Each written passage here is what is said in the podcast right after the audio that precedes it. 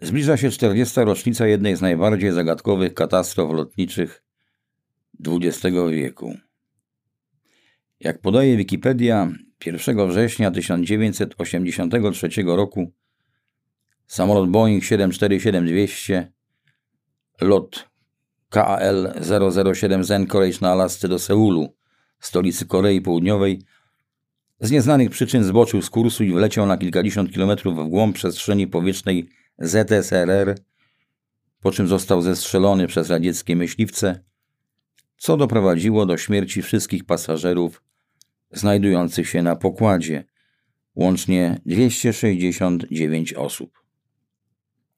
Ponieważ w okolicy, w rejonie na wschód od wybrzeży Kamczatki, znajdował się w tym czasie inny samolot, amerykański wojskowy samolot rozpoznawczo-szpiegowski Boeing RC-135, także czterosilnikowy odrzutowiec, siły powietrzne Związku Radzieckiego uznały, iż punkt na radarze jest w rzeczywistości echem radiolokacyjnym właśnie odrzutowca RC-135. Taką też relację przedstawił 6 września 1983 roku dowódca sił powietrznych Związku Radzieckiego generał Siemion Romanow podczas konferencji prasowej, w czasie której oficjalnie przyznał, że Związek Radziecki poczuwa się do odpowiedzialności za zestrzelenie samolotu, wyjaśniając, że była to pomyłka. Według niego samolot ten był podobny właśnie do amerykańskiego RC-135, który rzeczywiście w tym czasie operował w pobliżu kursu objętego przez Boeinga 747. Mimo, że od tych wydarzeń minęły cztery dekady, pamiętam jak szerokim echem odbiła się informacja o tej tragedii na całym świecie, w tym również w Polsce. Zaledwie pięć tygodni wcześniej zniesiono u nas stan wojenny. Opinia publiczna pomstowała na ruskich, a jedyne co ulice dziwiło, to fakt, że tak szybko się przyznali do zestrzelenia cywilnej maszyny, informując o pomyłce. Przeczytajmy zatem, co o wspomnianym wcześniej samolocie RC-135, który rzekomo został wzięty za koreański 007, pisze ta sama Wikipedia. Do czasu pojawienia się Boeinga, w czasach kiedy nie słyszano jeszcze o rozpoznaniu satelitarnym, strategiczne siły powietrzne w swoich misjach zwiadowczych wykorzystywały głównie samoloty będące przystosowanymi do lotów rozpoznawczych bombowcami Boeing RB-29 i jego wersję rozwojową RB-50, a następnie odrzutowe Boeing RB-47. Samoloty wykonywały w ramach swoich zadań niebezpieczne misje zwiadowcze nad terytorium Związku Radzieckiego. Były one o tyle niebezpieczne, że nawet przebywanie w międzynarodowej przestrzeni powietrznej nie chroniło samolotu przed atakiem sowieckich myśliwców, o ile zdarzenie miało miejsce w pobliżu radzieckich granic. W celu zmieszczenia urządzeń zwiadu radioelektronicznego na pokładzie samolotu, monitorujących transmisje radiowe i sygnały elektromagnetyczne stacji radiolokacyjnych, przerabiano komory bombowe. Operatorzy tych urządzeń zwani byli potocznie Crows lub Ravens, wronami lub krukami. Przydomek wziął się stąd, iż obydwa ptaki są czarne, tak jak zadania, które wykonywali lotnicy Black Ops, czyli czarne operacje, tajne. Z tego co podają źródła oficjalne, RC-135 był w chwili omyłkowego rozpoznania oddalony od samolotu pasażerskiego o ponad półtora tysiąca kilometrów. Formuła felietonu jest bezlitosna, zatem ograniczę się do stwierdzenia, że w mojej opinii tego typu pomyłki nie mógł popełnić żaden operator radaru.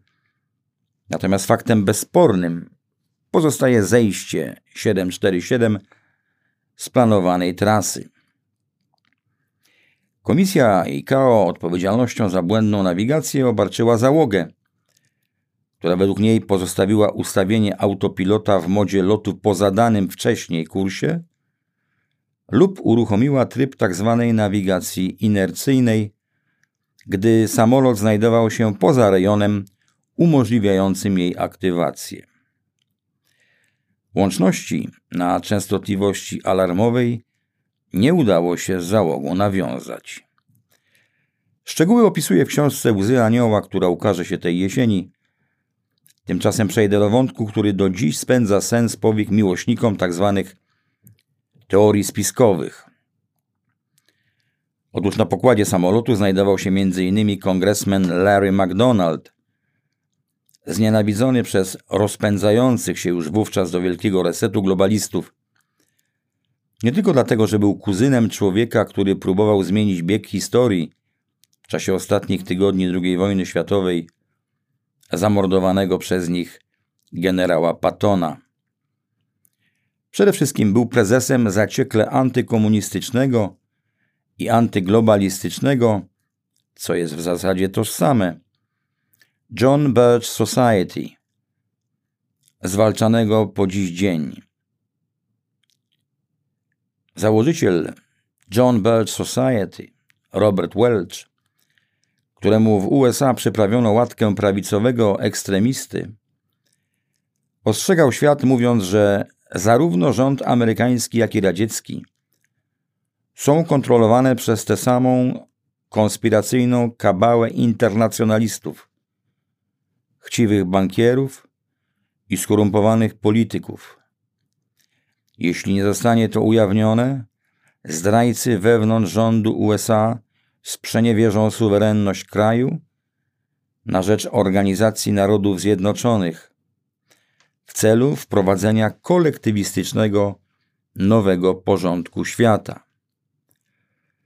Jego dwa wystąpienia z lat 1958 i 1974, które zachowały się w sieci, muszą być dla dzisiejszego pokolenia Amerykanów i Europejczyków porażające swą aktualnością.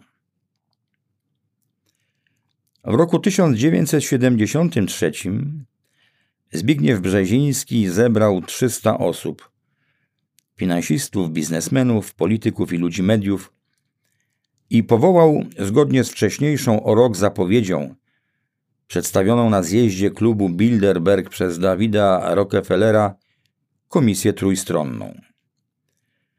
Senator Barry Goldwater, uważany za ojca chrzestnego amerykańskiego konserwatyzmu, protestował wówczas, mówiąc, że Komisja trójstronna to zręczna, skoordynowana próba przejęcia kontroli i konsolidacji ośrodków władzy. Intencją jej jest stworzenie światowej potęgi gospodarczej, przewyższającej rządy zaangażowanych w nią państw narodowych. Jako menedżerowie systemu będą rządzić przyszłością. To wtedy Lawrence, Patton, McDonald wezwał do wszczęcia w tej sprawie śledztwa. Nie poprawiło to jego notowań w środowisku ówczesnej elity. Podobnie jak jego słowa, że celem Rockefellerów jest rząd światowy, łączący kapitalizm i komunizm pod jednym dachem. Czy mam na myśli spisek? Tak. Jestem przekonany o takim spisku o zasięgu międzynarodowym, planowanym od pokoleń i niewiarygodnie złym w intencjach. Jako następca Welcha na stanowisku szefa John Birch Society przetrwał zaledwie kilka miesięcy, by zginąć w zestrzelonym nad daleką Syberią samolocie. MacDonald był senatorem z ramienia demokratów. Nawiasem mówiąc, tej feralnej nocy na konferencję w stolicy Korei Południowej leciało też dwóch jego senackich kolegów, równie antykomunistycznie nastawionych, z tą różnicą, że obaj byli republikanami. Według oficjalnych informacji Steve Sims i Jesse Helms spóźnili się na lot, co pozwoliło im przeżyć. Rzeczywistości w Anchorage lądowały wtedy w celu tankowania dwa samoloty koreańskich linii lotniczych lecące do Seulu. Obaj republikanie znajdowali się na pokładzie maszyny o numerze rejsu 015. Sims pozostał w samolocie, a Helms wysiadł, by rozprostować nogi i udał się do terminalu, gdzie spotkał kilkoro pasażerów rejsu 007. Stąd po wypadku rozpowszechniano pogłoskę, jakoby spóźnił się na odlot. Pierwszy z nich zasiadał w ławach Senatu do roku 1993. Drugi aż do 2003. W książce przedstawię niezwykły, równoległy ciąg tej historii, niemal żywcem wyjętej z kinowych przebojów o agencie 007, według której samolot nie rozbił się mimo trafienia, a pasażerowie